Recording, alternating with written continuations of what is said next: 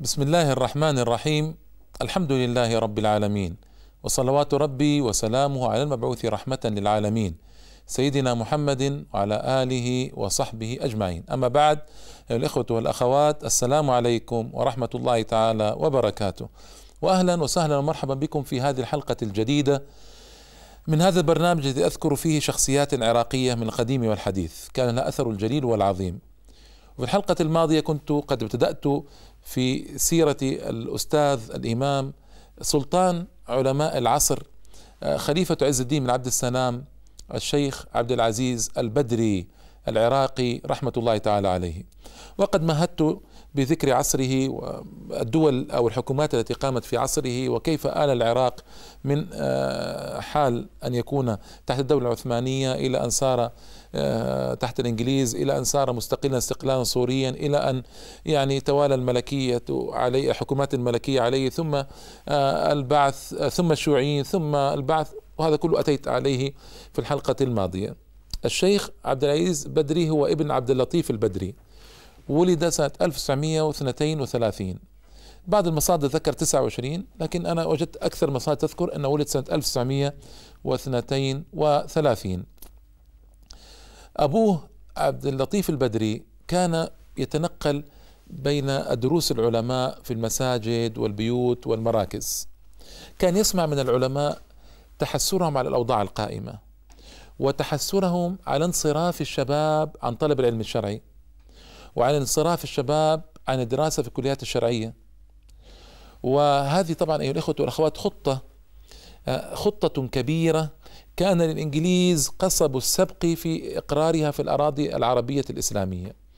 أنهم كانوا ينفرون الشباب من التحاق بالكليات الشرعية عمليا ونظريا. أما نظريا فإنهم كانوا يقولون هذه كليات تخرج متخلفين هذه كليات تخرج اناسا لا قيمة لهم وهذه كليات يعني ما الفائده وأما عمليا فكانوا يعطون راتبا لمتخرج من هذه الكليات ربما يساوي ثلث راتب المتخرج في كليات الطب والهندسة والعلوم. وذلك نكاية في طلاب العلم الشرعي حتى لا يقبل الطلاب على العلم الشرعي. ففعلا حصل انصراف كبير. وفي ذلك الوقت أيضا وقت وجوء في يعني الأربعينات الميلادية تقريبا كان الناس الحقيقة بعيدين بعيدين كثيرا عن الإسلام الحقيقي. ولم تكن الصحوة قد برزت بعد الصحوة الرائعة في العراق وغير العراق التي نشأت جليلة عظيمة بعد ذلك بسنين طويلة. فكان الناس غير واعين لأهمية طلب العلم الشرعي. فكان يسمع هذا من العلماء أبوه عبد اللطيف البدري رحمة الله تعالى عليهما يسمع من العلماء ويتمنى أن لو يستطيع أن يساعد في تغيير هذا الواقع. فكان عنده سبعة أولاد عرض هذا الأمر على عبد العزيز وكان عبد العزيز آنذاك في المتوسطة النظامية الحكومية. دهش لأن عبد العزيز سبحان الله انشرح صدره لهذا الأمر وقرر الموافقة مباشرة وذهب به أبوه إلى المدرسة ليسحبوا ملفه من المدرسة النظامية ويعينوه في المدرسة الشرعية الدينية. ونزع البنطال السراويل ولبس العمامة والجبة وصارت هيئته هيئة العلماء الشرعيين. وكان يخرج إلى الطريق ويفتخر بهذه الهيئة. سبحان الله منذ صغره عنده قضية الافتخار والعزة والكرامة. يعني هذه إرهاصات لما سيأتي في المستقبل من حياته الكريمة رحمة الله تعالى عليه الجليلة. فكان يخرج إلى الشارع وفخورا بهذا الزي. إلى أن انتهى من الثانوية الشرعية وكان مهيئا للدخول في كلية الشريعة أو ان يكون في سلك الأئمة والخطباء. اختار أن يكون في سلك الأئمة والخطباء ووجد له مسجدا ليخطب فيه. هنا نقف قليلا قضية الخطبة ونعود لتاريخ عبد العزيز البدري. عبد العزيز البدري نشأ في العراق وهو شاب يريد نصرة الإسلام ويريد تطبيق الإسلام. وجد أن العراق آنذاك فيه بدايات للإخوان المسلمين الذين جاءوا من مصر ليدرسوا وكان نشاطهم محدودا جدا طبعا قبل أن يظهر أستاذ الصواف وينشئ النشاط الهائل في العراق بعد ذلك. ووجد جمعية اسمها جمعية الآداب الإسلامية أنشأها العلماء أو بعض العلماء من أجل تثبيت بعض الآداب في المجتمع. ما وجد شيئا غير ذلك تقريبا. فاختار الدخول في جمعية الآداب. ونشط فيها نشاطا محدودا مما يسمح به برنامجها ونشاطها. وآنذاك كانت العراق طبعا تغلي بأحداث. ذكرت لكم في الماضي الحلقة الماضية ما أجد نفسي مضطرا لإعادة ذكرها من جديد. ثم إنه بعد ذلك آه، كان هناك جمعية اسمها جمعية كبار العلماء. فيها الشيخ آه، فيها مشايخه هو درس على الشيخ أمجد الزهاوي وقد ذكرته في حلقة سابقة. آه، درس على بعض المشايخ أسسوا جمعية كبار العلماء. ما كان عضوا فيها طبعا لأنه كان صغير السن وما كان علمه يسمح بدخول جمعية كبار العلماء. لكنه كان مثل آه، يعني مقرر للجمعية مثل سكرتير للجمعية. آه، يكتب البيانات كان بليغا وفصيحا وجريئا. فكان يكتب البيانات بعض البيانات باسم الجمعية. كان يشارك في حضور إلى الجمعيه ودفع العلماء للأمام ليتحركوا في بعض القضايا وكان مشايخه يعجبون به وبنشاطه وبجرأته فيجعلونه معهم يعني في الجملة. آه، طيب هم القوم لا يشقى جليسهم. هذه الجمعيه استمرت استمرت هكذا واستمر الأمر على هذا المنوال إلى أن برز إلى الوجود حزب التحرير في الأردن. ومؤسسه طبعا تقي الدين نبهاني رحمة الله تعالى عليه. حزب التحرير جذب كثيرا من الناس إليه لأنه ابتدأ بمعالجة القمة. طبعا أنا لست هنا في مقام تقويم حزب التحرير. قضية تقييم حزب التحرير ونظر لحزب التحرير ربما يعني مكان هو مكان آخر. لكن حزب التحرير كان يجد قلوبا مقبلة وآذانا مصغية بسبب أنه كان يناوش الطبقة الحاكمة. مباشرة. ليس مثل الإخوان الذين يعمدون إلى التربية والتربية الفردية والدعوة الفردية والدعوة الجماهير وهذا تستغرق وقتا طويلا ربما لا يستطيعه قصير النفس. فكان هؤلاء يعجبون بحزب التحرير. ويتجهون إليه مباشرة لجذبه آه، في منهجه وجذبه في طروحاته وبياناته الجريئة التي كانت تنزل تنزل تطالب بإعادة الخلافة من جديد وتطالب بإزالة الحكام الظلمة على هذا المستوى. طبعا هذا وجد هوى في شخصية مثل عبد العزيز البدري. شخصية متوثبة جريئة قوية عاملة فسمع بهم عرضوا عليه الانضمام طبعا شخصية لامعة وخطيب جمعة كان لامعا آنذاك أو ابتدأ نجمه يلمع بقوة. عرضوا عليه الانضمام انظروا لهذه الهمة. ذهب إلى الأردن ليقابل الشيخ عبد آه، تقي الدين نبهاني في الأردن. وهذا الذي جرى. ذهب ليقابله واقتنع بأفكاره واقتنع بمنهج الحزب عاد ليكون حزبيا تحريريا. وهذه طبعا بدايات تحزبه وبدايات انطلاقه نحو السياسة وبقوة. عاد ليكون حزبيا تحريريا. هذه هذه هذه المدة استمر في حزب التحرير وصعد بسرعة ليكون رئيسا للتحريريين في العراق ومشاركا بإدارة الحزب في العالم العربي آه، مع تقي الدين نبهاني إلى أن وصل إلى قناعة أن حزب التحرير تحول إلى حزب كلامي. يعني معاركه جدلية كلامية. أشبه ب يعني المعارك الجدلية الكلامية كانت أيام المعتزلة وأيام يعني تلك الأيام الأولى من صدر الإسلام. فكره هو هذا المنهج أنه بطبيعته هو ما يستطيع هو متحرك نشط ما يستطيع. فانسحب من حزب التحرير سنة 1900 56 انسحب من حزب التحرير. لكنه لوفائه ما أعلن انسحابه. ظل يتحمل تبعات حزب التحرير ومنشورات حزب التحرير الصعبة وكانت الدولة تسائله عن بعض المنشورات أن تعلم أنه رئيس الحزب في العراق وكان لوفائه ولأدبه لم يشأ أن يعلن أنه انسحب. فكان يتحمل تبعات حزب التحرير. حتى جاء حزب التحرير و يعني قدر له هذا وأعلن أنه انسحب من الحزب. لما قامت ثوره عبد الكريم قاسم في العراق آه، وابتدأ الشيوعيين يعني في مجازرهم ومهالكهم قدم عليه مجموعة من الشباب وطلبوا منه أن يعمل عملا منظما أمام هؤلاء الشيوعيين يعني قضية خطيرة. فأنشأ ما يعرف بالحركة الإسلامية. كانت تنظيما يعني سريا أو قريبا جدا من السرية. لا يكاد يعرف إلا في إطار محدد من الملتزمين والصالحين. ابتدأ يظهر هذا التنظيم في بيانين نزلا أيام اعتداء الشيوعيين على مكتبة في الزبير وحرق كثير جدا من مخطوطاتها الثمينة وكتبها القيمة. أصدر بيان هذا هذه الحركة الإسلامية أصدر بيان تندد بالحركة اسم الحركة الإسلامية فقط. لا معروف من هو رئيسها ما هو معروف من هم أعضاؤها. ثم البيان الآخر لما هجم الشيوعيون على آه، جمعية الصواف والأستاذ أمجد الزهاوي في آه، العراق. وطبعا أحرقوا محتويات مكتبة وداسوا المصحف. وقضية خطيرة سآتي عليها في ترجمة الأستاذ الصواف إن شاء الله تعالى. أصدر بيانا آخر يندد. هنا جاءت مجموعة من العسكريين تعرض نفسها عليه. يعني ماذا تريد منا؟ نحن نستطيع نعمل. فعمل منهم تنظيما واشترطوا عليه يكون مستقلا عن تنظيم الحركة الإسلامية تنظيم عسكري مستقل.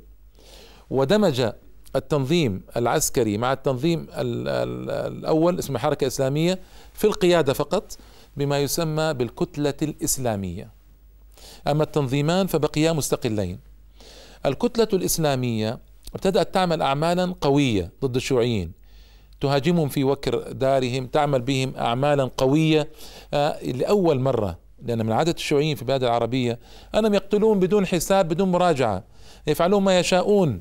طيب فكان لأول مرة قام في وجههم تنظيم آه، يعني قوي آه، نسبيا استطاع أن يحدث بعض الضجة والارتجاج في صفوفهم. نعود مرة أخرى. طبعا هذا تنظيم الكتلة الإسلامية والحركة الإسلامية يعني آه، بقيت في الحقيقة متعلقة بشخص عبد العزيز البدري.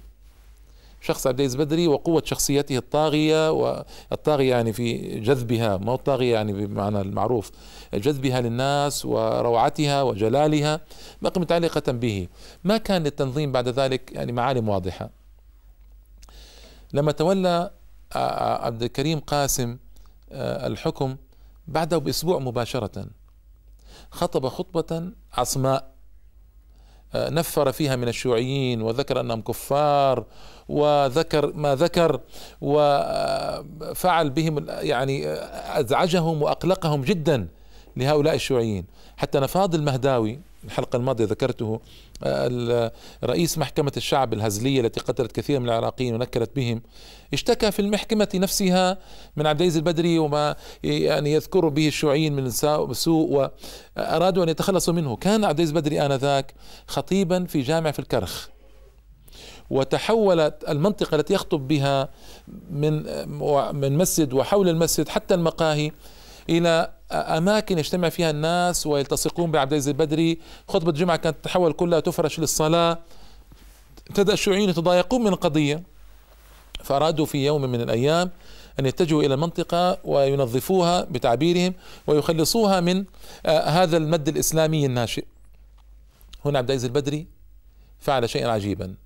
قلت لكم هذا الرجل أعاد سيرة عز بن عبد السلام أعاد المهابة للمشايخ والعلماء الذين اعتادوا طويلا على الرضوخ. واعتادوا طويلا على الذل والهوان. أقول هذا وأنا متألم لكن هذا هو الواقع للأسف الشديد. لعوامل كثيرة لا مجال لإرادها في هذه الحلقة. ربما أوردتها إن شاء الله في مكان آخر.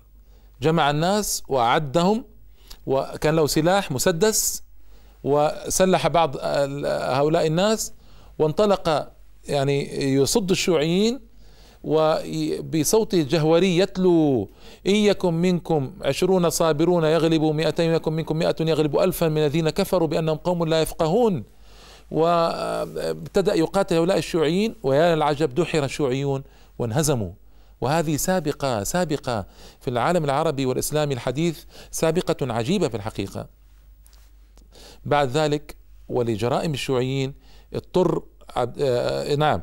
آه آه اضطر عبد الكريم قاسم لأن يخرج في كنيسة مار يوسف وليعلن أن هؤلاء مجرمون ولا علاقة لي بأعمالهم المجرمة أي الشيوعيين. وهذا أول فراق كان بينه وبينهم مما أدى بالتعجيل بعد ذلك بإسقاطه لأنه افتقد السند الشيوعي القوي آنذاك نسبيا.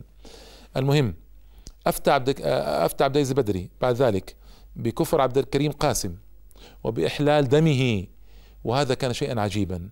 وجرأة متناهية لا تعرف قلت لكم لا تعرف على مستوى عجيب يعني. لا تكاد تعرف بل لا تعرف ما لا تكاد لا تعرف في علماء العصر. لا في زمانه ولا قبله ولا بعده. إلى يوم الناس هذا رحمة الله تعالى عليه. عبد الكريم قاسم اضطر إزاء هذه الفتوى وإزاء يعني الهرج والمرج الذي أحدثته أن يأتي بعبد الكريم قاسم. وأن يست... أن يأتي آسف بعبد آه، العزيز البدري وأن يتلطف معه وأن آه، يعني يحاول أن يستلطفه قدر الإمكان. قبل ذلك كان طبعا على إثر الفتوى وإثر المشكلات جرت آه، وضع في الإقامة الجبرية. وكم من وضع مرات الإقامة الجبرية تطول وتقصر. يعني بعض الأحيان مرة ظلت سنة بعض الأحيان ظلت شهورا بعض الأحيان أقل. آه، جاء موسم الحج أعلن أنه يريد الحج ما سمحوا له. هنا ماذا صنع؟ صنع حركة ذكية في الحقيقة. هو كان ذكيا متوقد الذكاء وكان متحمسا. أعلن أنه سيحرم من بيته ويتجه إلى الحج. فإن منع ذبح دم الإحصار وأعلن على الناس أنه محصر وسينال أجر الحج. عبد الكريم قاسم استشار بعض علماء السوء قال له إياك أن تسمح له بهذا فسيحصل الفوضى استرضه واسمح له بالحج. نعم جاء به واستلطفه هنا أقول يعني أصحح المسار هنا أعود استلطفه وتحدث معه وقال له أنا لا علاقة بهؤلاء الشيوعيين هؤلاء مجرمون هؤلاء هؤلاء وسمح له بالحج. وعند الباب عندما ودعه قال له سأتولى العناية بأبنائك وبناتك في غيابك. قال له ماذا تقصد؟ يعني قال سأعطيهم هدايا وكذا. ما كان من عبد البدري إلا أمسك بكتفيه بعنف وهزهما وقال إياك أنا لست من هذا الصنف من العلماء الذي تشتريه بمالك؟ وأنا وأنا وأسمع عبد الكريم قاسم أسمع عبد الكريم قاسما كلاما صعبا وقلت لكم شجاع وجريء في الحقيقة. فهدأ من آه، روعه عبد الكريم قاسم قال أنا أردت فقط أختبرك. وذهب إلى الحج والتقى بزعماء من العالم زعماء الدعوة الإسلامية في العالم العربي والإسلامي وعاد. عاد يكون أقوى من ذي قبل. وطبعا أيضا آه، حددت إقامته ومنع من الخطابه ويعني مر عليه سجن طويل أربع عشرة مرة سجن. ومن اللطائف أنه كان عنده حقيبة يعد فيها يعني ما يحتاجه من السجن في السجن. فكان يعدها بجواره فإذا خطب أو كذا تكون بجواره حتى إذا استدعوه للسجن يكون مستعدا للبقاء في السجن ومعه أشياءه الخاصة. وهذه من عجائب واللطائف. عبد العزيز البدري آه، استمر هكذا بمنع وعن الخطابة وعن الدروس والإقامة الجبرية يفرجون عنه تارة ويضيقون عليه أخرى إلى أن جاء حكم عبد السلام عارف. حكم عبد السلام عارف كان يخطب هو في مسجد من المساجد وفوجئ بدخول عبد السلام عارف عليه ومعه بعض أعوانه في السلطة. فما كان منه إلا أن صاح عليه وناداه بقوة وغير مجرى الخطبة وكان قلت لكم ذكيا يا عبد السلام أقم الإسلام. يا عبد السلام القومية لا تصلح لنا. يا عبد السلام هكذا يخاطبه. بعد الصلاة يعني جاء عبد السلام عارف يسلم عليه وقال إنك ذو جرأة. وبعد ذلك نقلوا مسجد هذا مسجد آخر وضيقوا عليه واستمر مسلسل التضييق. ثم آه ذهب إلى الحج. وعاد في 1385 1965 إلى أن جاء آه وقت آه هزيمة المذلة النكبة العظمى سنة 1387 1967 هنا خطب الجمعة بعد الهزيمة بأسبوع وخون الأنظمة العربية وحملهم المسؤولية وكانت خطبة هائلة بكى فيها وكانت خطبة صعبة. وبعد الخطبة أعلن عن تكوين وفد شعبي قلت لكم هو صاحب مبادرات جريء كان في الثلاثينات من عمره لكن انظروا كيف هذا العالم الجريء الشاب كون وفدا من سنة وشيعة وخرج بهم إلى مناطق العالم الإسلامي ماليزيا أندونيسيا الهند أفغانستان باكستان ليشرح آه، مبررات الهزيمة ويلصقها بالقادة الثوريين كما كانوا يسمون التقدميين الأنظمة البوليسية آنذاك عبد الناصر ويعني يعني معروف القضية. هنا طبعا السفراء العرب أحرجوا وغضبوا بعض السفراء العرب أحرجوا وغضبوا وطلبوا من الحكومة العراقية يعني توضيحا كيف سمحتم من هذا الوفد بالسفر كيف سمحتم يتكلم هكذا وطلب منهم أن يعاقبوا الوفد إذا جاء. فعلا لما جاء ضيقوا عليه واستمر مضيقا عليه إلى أن قامت آه، ثورة البعث في 68 1388 هنا آه، قبل ذلك جرت حادثة رائعة. أراد القائمون على الحكم أن يوضحوا أن الإسلام وأن الغيبيات كما كانت تسمى هي سبب في آه، فشل الأمة العربية. طبعا هذا كذب واضح لأن نحن نعلم أن الإسلام كان مغيبا والمسلمون كانوا مغيبين في الجملة وتولى الحكم الشيوعيون والبعثيون والناصريون واليساريون هم الذين جروا علينا الهزيمة الهائلة. أتوا بشخص اسمه نديم البيطار. نديم البيطار آه، أحد منظري الحزب آه، البعث العربي وكان في كندا. أعلن أنه سيأتي العراق لإقامة محاضرة ويفند فيها مزاعم عبد العزيز البدري ومجموعته. ويصم الإسلام بأنه هو السبب. عبد العزيز البدري طلب من الحكومة أحد شيئين. إما تسمح له بالتعقيب يكون في المحاضرة يسمح تسمح له بالتعقيب أو أن يعقد محاضرة أخرى في الوقت والمكان الذي يريد. رفضت الحكومة خطب الجمعة أعلن أنه ذاهب إلى مكان المحاضرة بعد صلاة العصر ولو منفردا ليوقف هذا الرجل بكل الوسائل. قلت لكم جرأة وشجاعة. فعلا اجتمع الناس معه بعد صلاة العصر وأخذ سلاحه الشخصي وتقدم ومعه ناس. كلما تقدم باتجاه مكان محاضرة انضم إليه الناس خاصة عندما يرونه يصيح ومعه آه، سلاحه فيتقدمون معه. فعلا وكانوا مؤتمرون في آه، في المحاضرة آه، دخل عليهم وصارت جلبة هائلة وفر نديم البيطار ومن معه أخذوه إلى المطار مباشرة وفشلت خطتهم ولله الحمد وسجن أياما سجن منصور ثم أخرج بعد ذلك. عبد العزيز البدري لكن انظر إلى الشجاعة العجيبة يقود الجماهير بسلاح ويتجه لإيقاف المحاضرة بأية وسيلة ويتحدى السلطة الحاكمة على هذا الوجه. قلت لكم مذكرا ابن العز بن عبد السلام في الحقيقة يعني أنا لا أعلم أنا أقول لا أعلم ربما بعض إخواننا يعني طلع لكن أنا لا أعلم. في خلال عشرات الآلاف من التراجم وجود عالم يصدع بالحق على هذا الوجه بعد العز بن عبد السلام إلى عبد العزيز البدري. أنا لا أعلم أقول. فهذا شيء عجيب وكان علامة فارقة في تاريخ علماء العصر كلهم. لا يدانيه في ذلك أحد. قامت ثورة البعث 68 ذهب ليحج. يعني طبعا ضيق عليه. ذهب ليحج. في طريق عودته توقف في الرياض. قال له بعض محبيه آه، الإذاعة أذاعت أنها بتبدأ تضيق على العلماء وأنك أنت في قائمة العلماء المضيق عليهم وهددوك بالقتل. فاجلس معنا هنا في الرياض ولا تعود. قال لا أستطيع. أنا عالم ورمز ولا بد أن أعود. من شاء منكم أن يجلس فليجلس. أنا لابد أن أعود. فعلا عاد. بعد أسابيع أخذ ليحقق معه. وما خرج إلا ميتا رحمه الله تعالى. قتلوه. ومن الأساليب العجيبة في التحقيق ومن عدل الله تعالى وعظيم صنيعه كان هناك رجل يسمى ناظم جزار. هذا مدير أمن العام ناظم جزار كان يحقق معه ويقول له كيف تصنع كذا وكذا؟ ف يعني فقال له أنتم عملاء الإمبريالية الأمريكية. ناظم جزار يقول عبد العزيز البدري هم يعلمون أنهم كذبة المشكلة أنهم يعلمون. قال أنا نحن العملاء ولا أنتم الذين فضحكم علي صالح السعدي وقال أن إن إنكم جئتم إلى الحكم بقطار أنجلو أمريكي. فما استطاع أن يتمالك أمره ناظم جزار صفعه على وجهه. وهنا كانت مفاجأة مذهلة أنه قفز على ناظم جزار وبصق في وجهه وضربه وهو الأعزل في وسط هؤلاء المجرمين. هنا أخذتهم المفاجأة قفزوا عليه ضربوه بالأسلاك حتى أغمي عليه رحمة الله تعالى ونزف الدم وما استيقظ بعد إغماء إلا وجد نفسه في زنزانة ليحكي ما جرى وهكذا الذين حكى لهم هم الذين حكوا ما جرى بعد ذلك. وطبعا مورس عليه أنواع من العذاب الشديد جدا ليخرجوه. بعد ذلك مقتولا ويرموه على باب بيته. امرأته قامت في الصباح لتشتري الخبز.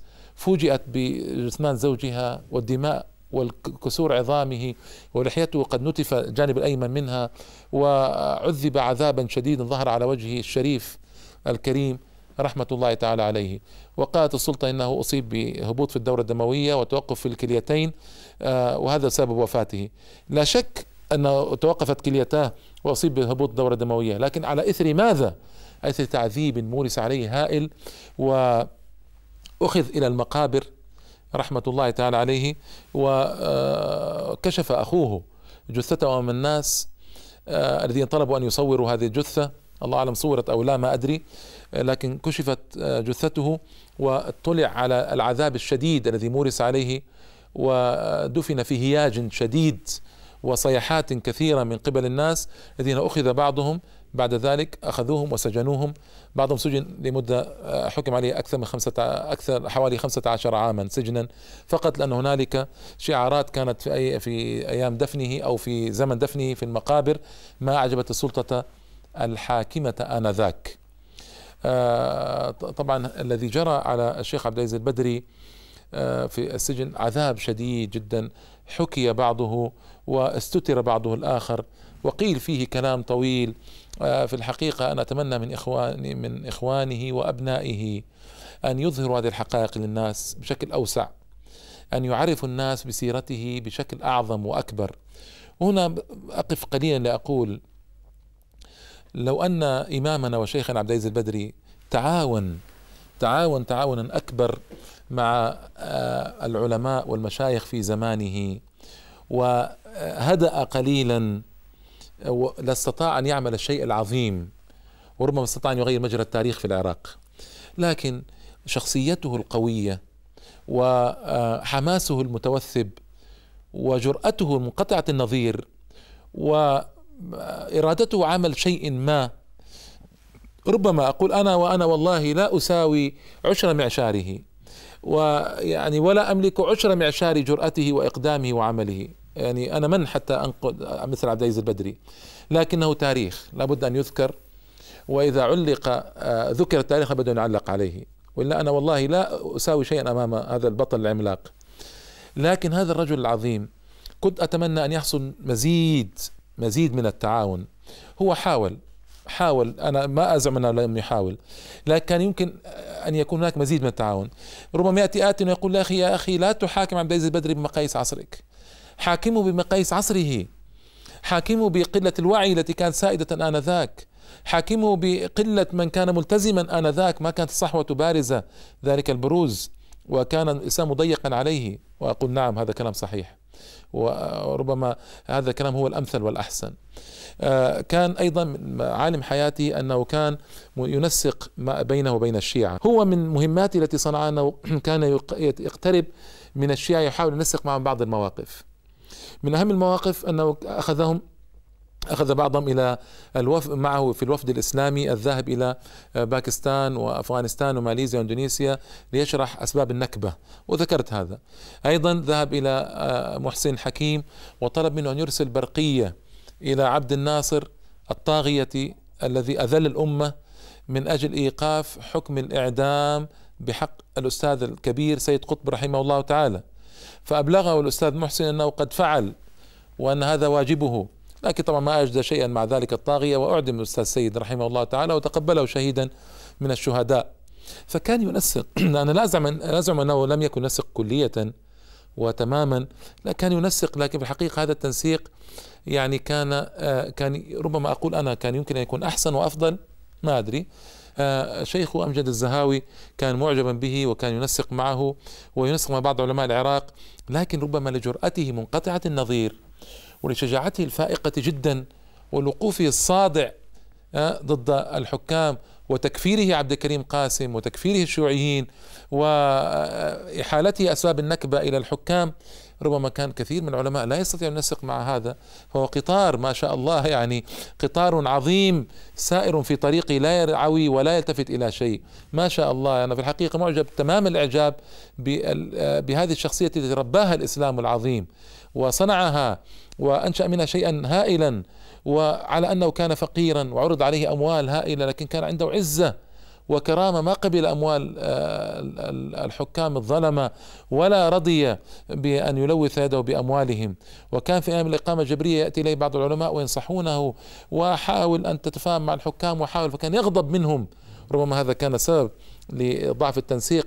كان يغضب منهم ويتألم ويتهمهم بالتزلف والنفاق. أنا هنا الآن لست بصدد الحكم على العلماء والمشايخ لكن أقول هو كان نسيج وحده. كانت طبقة منفردة في المشايخ. ما كان هناك مثله إطلاقا إطلاقا. ربما كان من هو أجدى منه عملا في بعض القضايا مثل الأستاذ الصواف وستأتي ترجمته. لكن أنا أقول مثله لا يوجد. في مجموع صفاته وفي إقدامه وجرأته وتصديه للباطل وفتاوى التي كان يصدرها وبقوة وفي الحقيقة ما شاء الله أنا أعجب بهذه الشخصية جدا وأنا معجب تمام الإعجاب بهذا الدين العظيم الذي يبرز مثل هذه الشخصيات الرائعة. التي نحن في الحقيقة بأمس الحاجة إليها في هذا العصر. هذا العصر للأسف الشديد خنع أكثر العلماء وضعف أكثر العلماء وذل أكثر العلماء. هذه حقيقة لابد أن يعرفها الجيل. لا من أجل تشنيع العلماء هم سادتنا وعظماؤنا. لكن هذا هو واقع. حتى يأتي جيل آخر من العلماء يكونون أعظم من هذا الجيل وأحسن من هذا الجيل ويقومون بمهمتهم الحقيقية في المجتمع. يقومون بما ينبغي أن يقوموا به في المجتمع. هذه حقائق لابد أن تعرف. هناك جوانب من حياة عبد العزيز بدري لم أستطع أن أعالج عليها بسبب يعني أن الوقت قد انتهى يعني تقريبا. فأقول رحمة الله على هذا الإمام الكبير ورفع قدره في عليين وتقبله الله تعالى مع الشهداء والصالحين والأنبياء والمرسلين وعوض عائلته خيرا وصبر أولاده فقد استشهد إن شاء الله تعالى سنة 1389 1969 فما أحسن سيرته وما أعطر ذكراه رحمه الله تعالى رحمة واسعة وإلى اللقاء إن شاء الله تعالى مع شخصية عراقية جليلة أخرى. والله أعلم وأحكم وأجل وأعظم.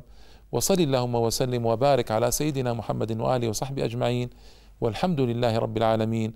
والسلام عليكم ورحمة الله تعالى وبركاته.